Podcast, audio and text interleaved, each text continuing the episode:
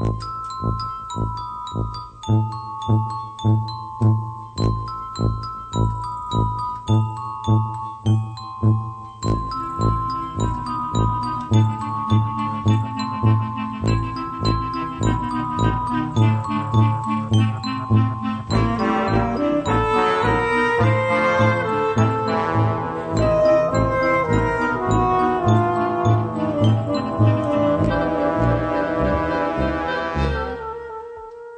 Vielleicht haben Sie schon einmal den Namen Bill Gates gehört.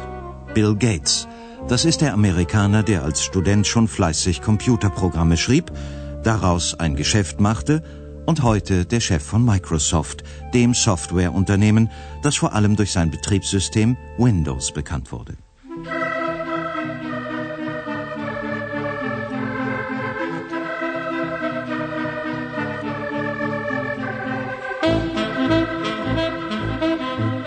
Wie bringt man es vom Computerfreak zum erfolgreichen Unternehmer?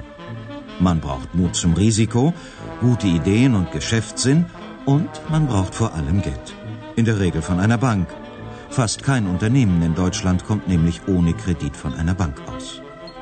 Verweigert die Bank einen Kredit, droht dem Unternehmerdasein bald ein jähes Ende.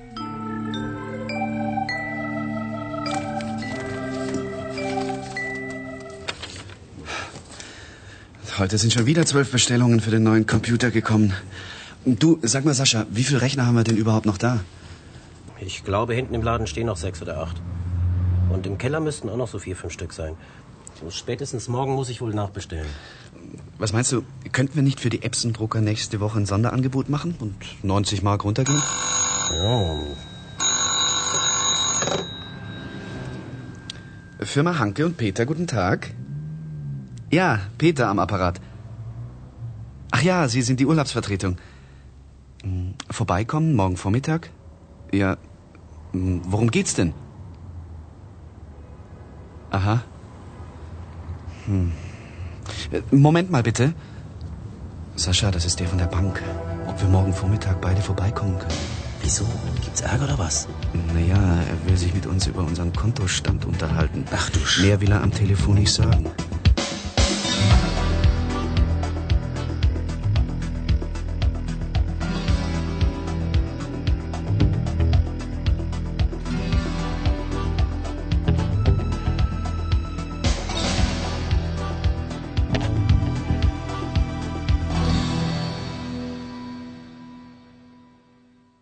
Ein Kredit von der Bank. Das ist für Unternehmen in Deutschland die Finanzierungsquelle Nummer eins, wenn sie wachsen und investieren.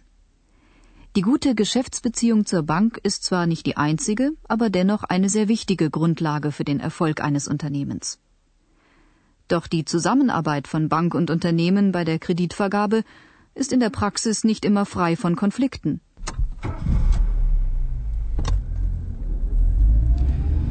Ich hab's doch schon die ganze Zeit gesagt.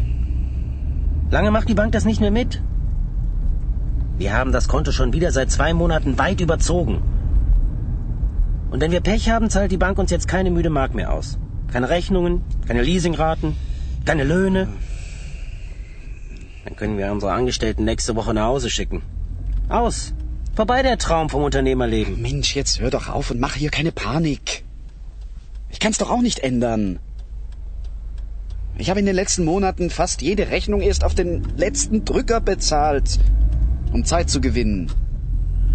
Was hat der von der Bank denn gestern genau gesagt am Telefon, als du den Termin gemacht hast? Hm, Das habe ich dir doch schon alles erzählt. Wir hätten unser Limit von 150.000 Mark schon fast um 50.000 überschritten und er käme jetzt langsam an die Grenze dessen, was er noch vor seinem Chef vertreten könne. Oder so ähnlich hat er sich ausgedrückt. Wir müssten uns jetzt ganz schnell was einfallen lassen. Sonst Ja? Was sonst? Na sag schon. Sonst müssten wir wohl grundsätzlich über unsere Geschäftsbeziehung nachdenken. Na, dann ist doch wohl alles klar. Die kündigen uns den Kredit. Gar nichts ist klar. Du kennst doch unseren Auftragsstand. Das Geld kommt doch in ein, zwei Monaten rein und dann können wir den Kontokorrentkredit wieder abbauen. Die Bank muss uns nur noch ein paar Wochen Zeit geben. Dann, dann kriegen wir das wieder in den Griff. Ein Unternehmen kann sein Konto bei der Bank in der Regel überziehen. Das heißt, es hat einen Kontokorrentkredit bis zu einer bestimmten Grenze, dem Limit. Dieser Kredit wird gebraucht, wenn die Ausgaben kurzfristig das Guthaben auf dem Konto übersteigen. Die Betonung liegt dabei auf kurzfristig. Denn ein solcher Kredit ist sehr teuer und sollte deshalb nur für die kurzfristige Unternehmensfinanzierung in Anspruch genommen werden. Die Zinsen für einen Kontokorrentkredit sind nämlich fast doppelt so hoch wie für einen langfristigen Kredit mit mehreren Jahren Laufzeit. Nimmt ein Unternehmen den Kontokorrent dennoch über längere Zeit in Anspruch, kann es schließlich in einen Teufelskreis geraten. Wegen der hohen Zinsen steigen nämlich auch die Kosten des Unternehmens von Monat zu Monat. Verdient das Unternehmen dann nicht genug Geld, um den Kontokorrentkredit schnell zurückzuzahlen, verliert eine Bank irgendwann die Geduld und verlangt ihr Geld binnen kurzer Zeit zurück. Für so manches Unternehmen kann das die Pleite bedeuten.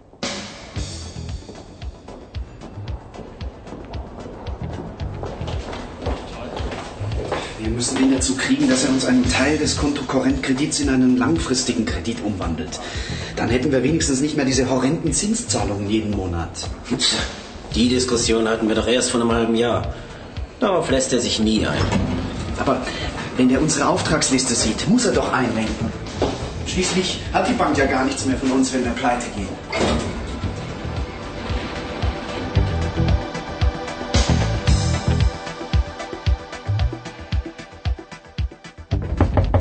Ja, bitte. Tag, Herr Müller. Ah, Grüß Sie. Tag, Herr Müller. Tag, die Herren. Bitte treten Sie näher. Gehen wir doch gleich hier an den Konferenztisch. Bitte, meine Herren. Nehmen Sie Platz. Tja, kommen wir am besten gleich zur Sache. Ihren Kontostand kennen Sie, da muss ich Ihnen wohl nichts mehr erzählen. Ich habe in den vergangenen zwei Monaten stillschweigend geduldet, dass Sie über das Limit hinaus überzogen haben. Das haben Sie ja gemerkt. Schließlich wollen wir doch alle, dass es mit Ihrem Unternehmen weitergeht. Aber Sie müssen auch verstehen, dass wir als Bank nicht tatenlos zusehen können, wenn sich Ihre Zahlungsfähigkeit von Monat zu Monat verschlechtert. Woran liegt das denn? Und wie gedenken Sie überhaupt von Ihren Schulden runterzukommen? Ja, Herr Müller, äh, wir haben ja gestern am Telefon schon kurz darüber gesprochen. Ja. Also, Anfang des Jahres äh, hatten wir einen kleinen Engpass, eine, eine Flaute. Aber ich habe Ihnen eine Aufstellung über unsere aktuelle Auftragslage mitgebracht. So. In Rechnung gestellt haben wir momentan 49.000 Mark. Die Zahlungen treffen in den nächsten vier Wochen ein. Und unsere Aufträge bringen einen Umsatz von voraussichtlich 120.000 Mark. Mhm. Ja, und bis wann wollen Sie den Kontokorrent zurückführen? Zumindest unter das Limit. Ähm, ja, dazu habe ich eine Liquiditätsplanung für Sie zusammengestellt. Sehen Sie? Hier.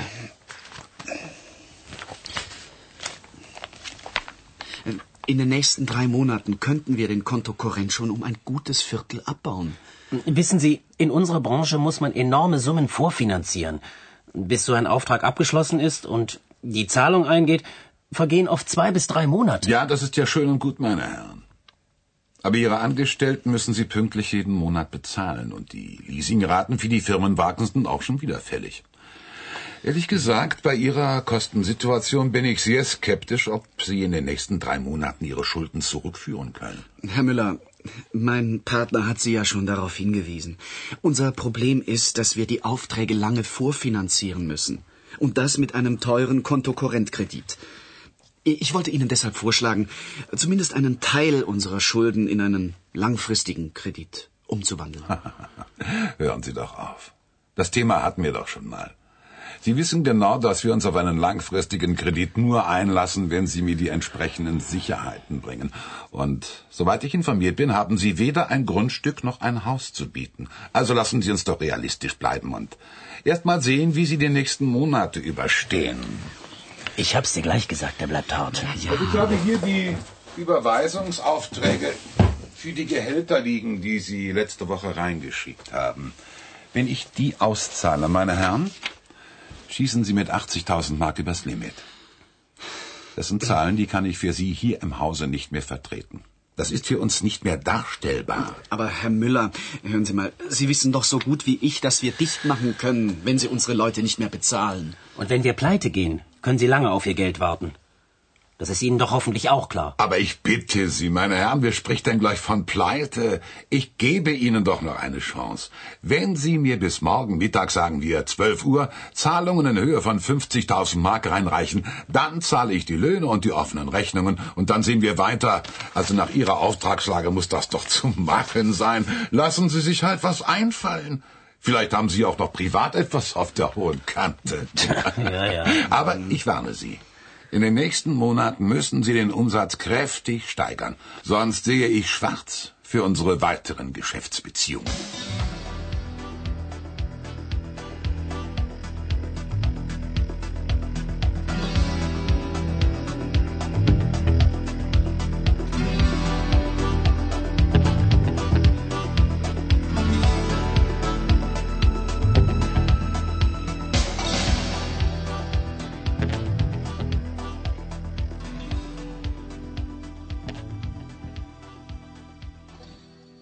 In einer ganz ähnlichen Situation wie diese beiden Pechvögel befanden sich am Anfang ihrer Unternehmerkarriere Sascha Hanke und Jürgen Peter.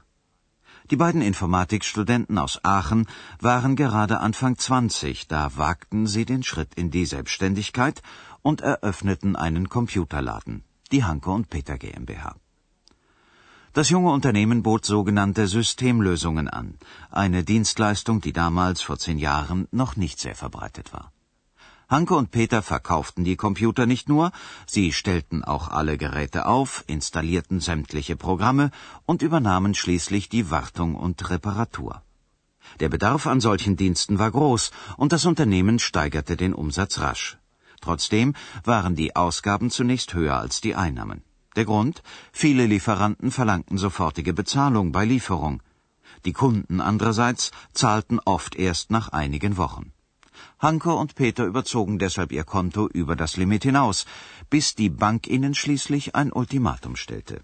80.000 Mark an nur einem Nachmittag aufzutreiben. Was im ersten Moment schier unmöglich erschien, die Jungunternehmer schafften es. Sascha Hanke erinnert sich. Damals, als der Banker bei der ersten Bank uns sagte, unsere Pläne seien nicht nachvollziehbar, habe ich das für bare Münze genommen. Wir waren ja auch erst 23, 24 Jahre alt und dachten, jemand in einer leitenden Position einer Bank weiß, was er redet, wenn er sowas sagt. Aber das ist eine Illusion. Wir waren dann schon ziemlich erstaunt, als wir mit den gleichen Unterlagen zu einer anderen Bank gingen und wir mit denen über das dreifache Kreditvolumen reden konnten. Man sollte Ämtern und Banken nicht immer alles abnehmen. Sascha Hanke und Jürgen Peter waren überhaupt erst in diese brenzlige Situation geraten, weil ihnen vor allem eins fehlte Eigenkapital, also das Kapital, das der Eigentümer eines Unternehmens selbst in seine Firma einbringt. Zu wenig Eigenkapital, das ist auch ein Grund dafür, dass die Zahl der Konkurse in Deutschland von Jahr zu Jahr steigt. Die Eigenkapitalquote, das ist der Anteil des Eigenkapitals am Gesamtkapital eines Unternehmens, beträgt in deutschen Unternehmen durchschnittlich etwa 20 Prozent.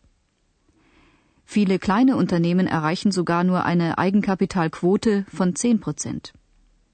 Wenn ein Unternehmen mit so wenig Eigenkapital einige Monate lang Verluste macht, wird es schnell zahlungsunfähig, also insolvent. Natürlich liegt es nicht immer nur am Geld, wenn ein Unternehmen pleite geht. Oft haben Unternehmer einfach zu wenig Erfahrung und schätzen ihre Marktchancen falsch ein. Aber auch die Banken sind an so manchem Konkurs nicht unschuldig. Gerade in Situationen, wie sie Hanke und Peter erlebten, verweigern sie zusätzliche Kredite. Dann wird den Banken vorgeworfen, sie seien zu risikoscheu. Professor Hans Büschken weist diesen Vorwurf zurück. Er leitet das Institut für Bankwirtschaft an der Universität Köln. Selbstverständlich sind die Banken risikoscheu. Sie müssen es auch sein, weil sie eben auf Basis von Kundeneinlagen arbeiten in hohem Maße.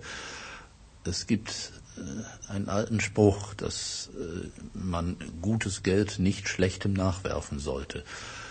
Banken arbeiten auf der Basis von Fremdmitteln in hohem Maße, die können sie nicht so ohne weiteres ins Feuer werfen. Wenn Banken das weitere Schicksal eines Unternehmens äh, negativ beurteilen, jedenfalls ungünstiger beurteilen als ein Unternehmen selbst, dann werden sie keine Kredite mehr gewähren.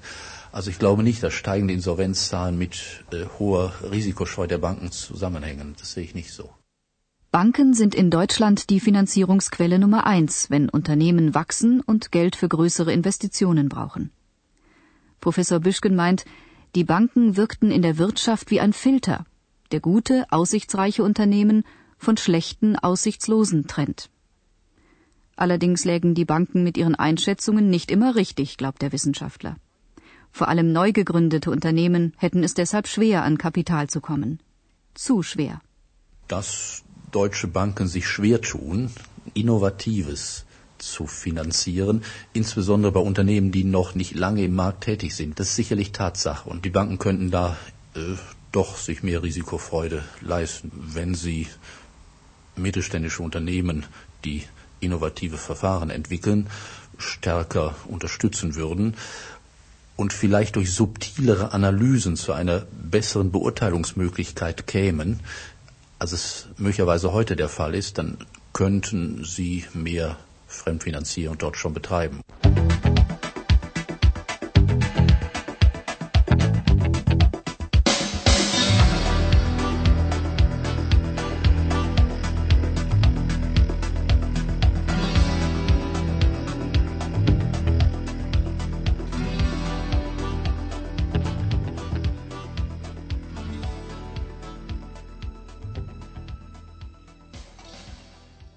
Nach den schlechten Erfahrungen mit der ersten Bank wechselten Sascha Hanke und Jürgen Peter das Kreditinstitut. Die neue Bank kannte sich in der Computerbranche besser aus als die alte und schätzte deshalb die Wachstumschancen des jungen Unternehmens optimistischer ein. Und damit lag sie auch goldrichtig, denn die Hanke und Peter GmbH wuchs und wuchs und wuchs. Es dauerte nicht lange, da zählte die Belegschaft 50 Angestellte, der Umsatz steuerte auf 20 Millionen Mark zu und der Computerladen platzte aus allen Nähten. Schließlich stand fest, ein neues Firmengebäude musste her. Jürgen Peter begann zu rechnen. Sollten sie ein Bürogebäude mieten, kaufen oder selber bauen? Mit welchem Umsatz konnten sie in Zukunft rechnen und mit welchem Gewinn? Wie sollten sie das Geld für ein neues Gebäude aufbringen? Ohne Bankkredit, nur aus dem Gewinn, waren solche Investitionen nicht zu finanzieren. Jürgen Peter stellte die neuesten Geschäftszahlen zusammen, kalkulierte die Kosten für den geplanten Neubau und rechnete in einem Finanzplan durch, wie viel Kredit sie brauchten und welche Raten sie jeden Monat zurückzahlen konnten.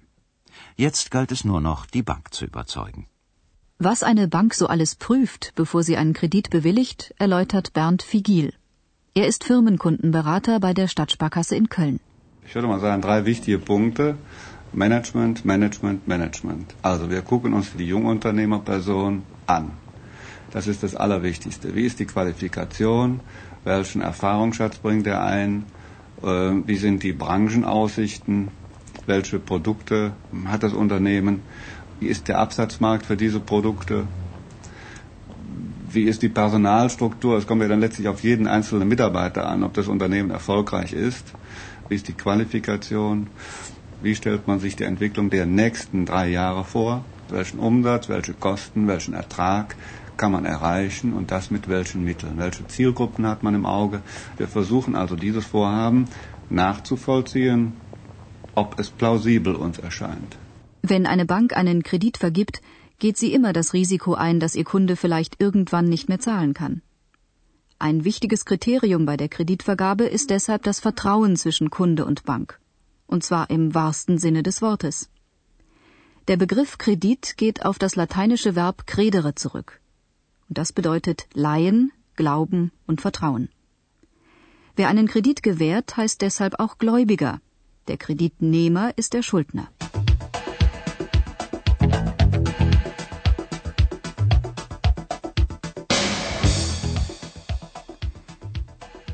Vertrauen ist gut, Kontrolle ist besser. An dieses russische Sprichwort hält sich auch eine Bank. Sie versucht einzuschätzen, ob ein Kunde in der Lage sein wird, den Kredit zurückzuzahlen. Das heißt, sie prüft seine Kreditwürdigkeit. Dafür sammelt die Bank so viele Informationen wie möglich, vor allem im Gespräch mit dem Kunden. Das ist die sogenannte Selbstauskunft. Und wenn ein Schuldner dennoch irgendwann insolvent wird, kann seine Bank auf die sogenannten Sicherheiten zurückgreifen.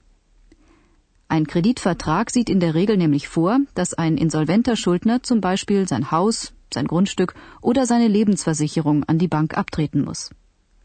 Die Hanke und Peter GmbH erhielt nach einigen Verhandlungen schließlich einen Kredit über dreieinhalb Millionen Mark für den Neubau ihres Firmengebäudes. Die Bauarbeiten konnten beginnen. Doch nun stand den Unternehmern die große Herausforderung erst noch bevor. Sie mussten genug Geld verdienen, um den Kredit zu tilgen und neue Mitarbeiter einzustellen. Hanke und Peter brauchten Aufträge, Aufträge, Aufträge. Jürgen Peter erzählt, wie es weiterging. Wir haben immer offensiver Vertrieb gemacht über Direktmarketing. Wenn wir zum Beispiel Konstruktionsprogramme für die Baubranche vertreiben wollen, erstellen wir einen Werbeprospekt, besorgen uns Adressen und schreiben alle Architekten einer Region an. Eine Woche später rufen wir die Leute an. Wenn man so bei 100 Anfragen ein oder zwei Aufträge bekommt, ist das schon viel.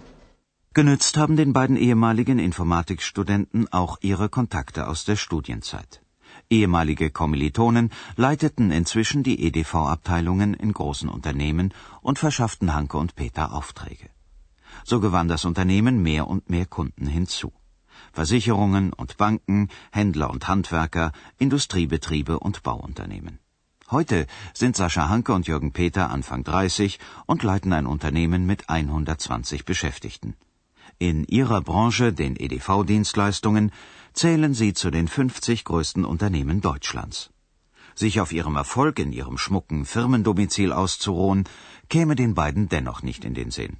Denn die Gewissheit, dass alles finanzierbar bleibt, hat keiner. Wir haben einen Auftragsvorlauf im Moment von zwei Monaten. Das heißt, wir müssen uns jeden Monat wieder neu abstrampeln, die Aufträge zu bekommen. Wir wissen überhaupt nicht, ob wir in einem halben Jahr noch so viele Aufträge haben. Wir müssen uns trotzdem jeden Monat neu beweisen. Und das gelingt ihnen seither Monat für Monat. Dafür arbeiten sie oft mehr als 60 Stunden die Woche, und das freie Wochenende ist immer noch eher die Ausnahme als die Regel.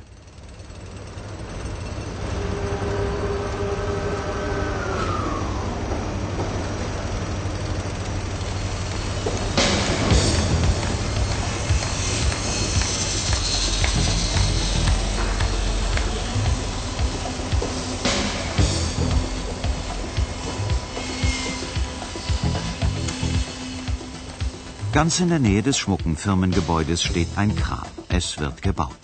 Ein Logistikzentrum. Der Bauherr, die Hanke und Peter GmbH. Auch dafür gewährte die Bank Kredit. Es wird nicht der letzte gewesen sein.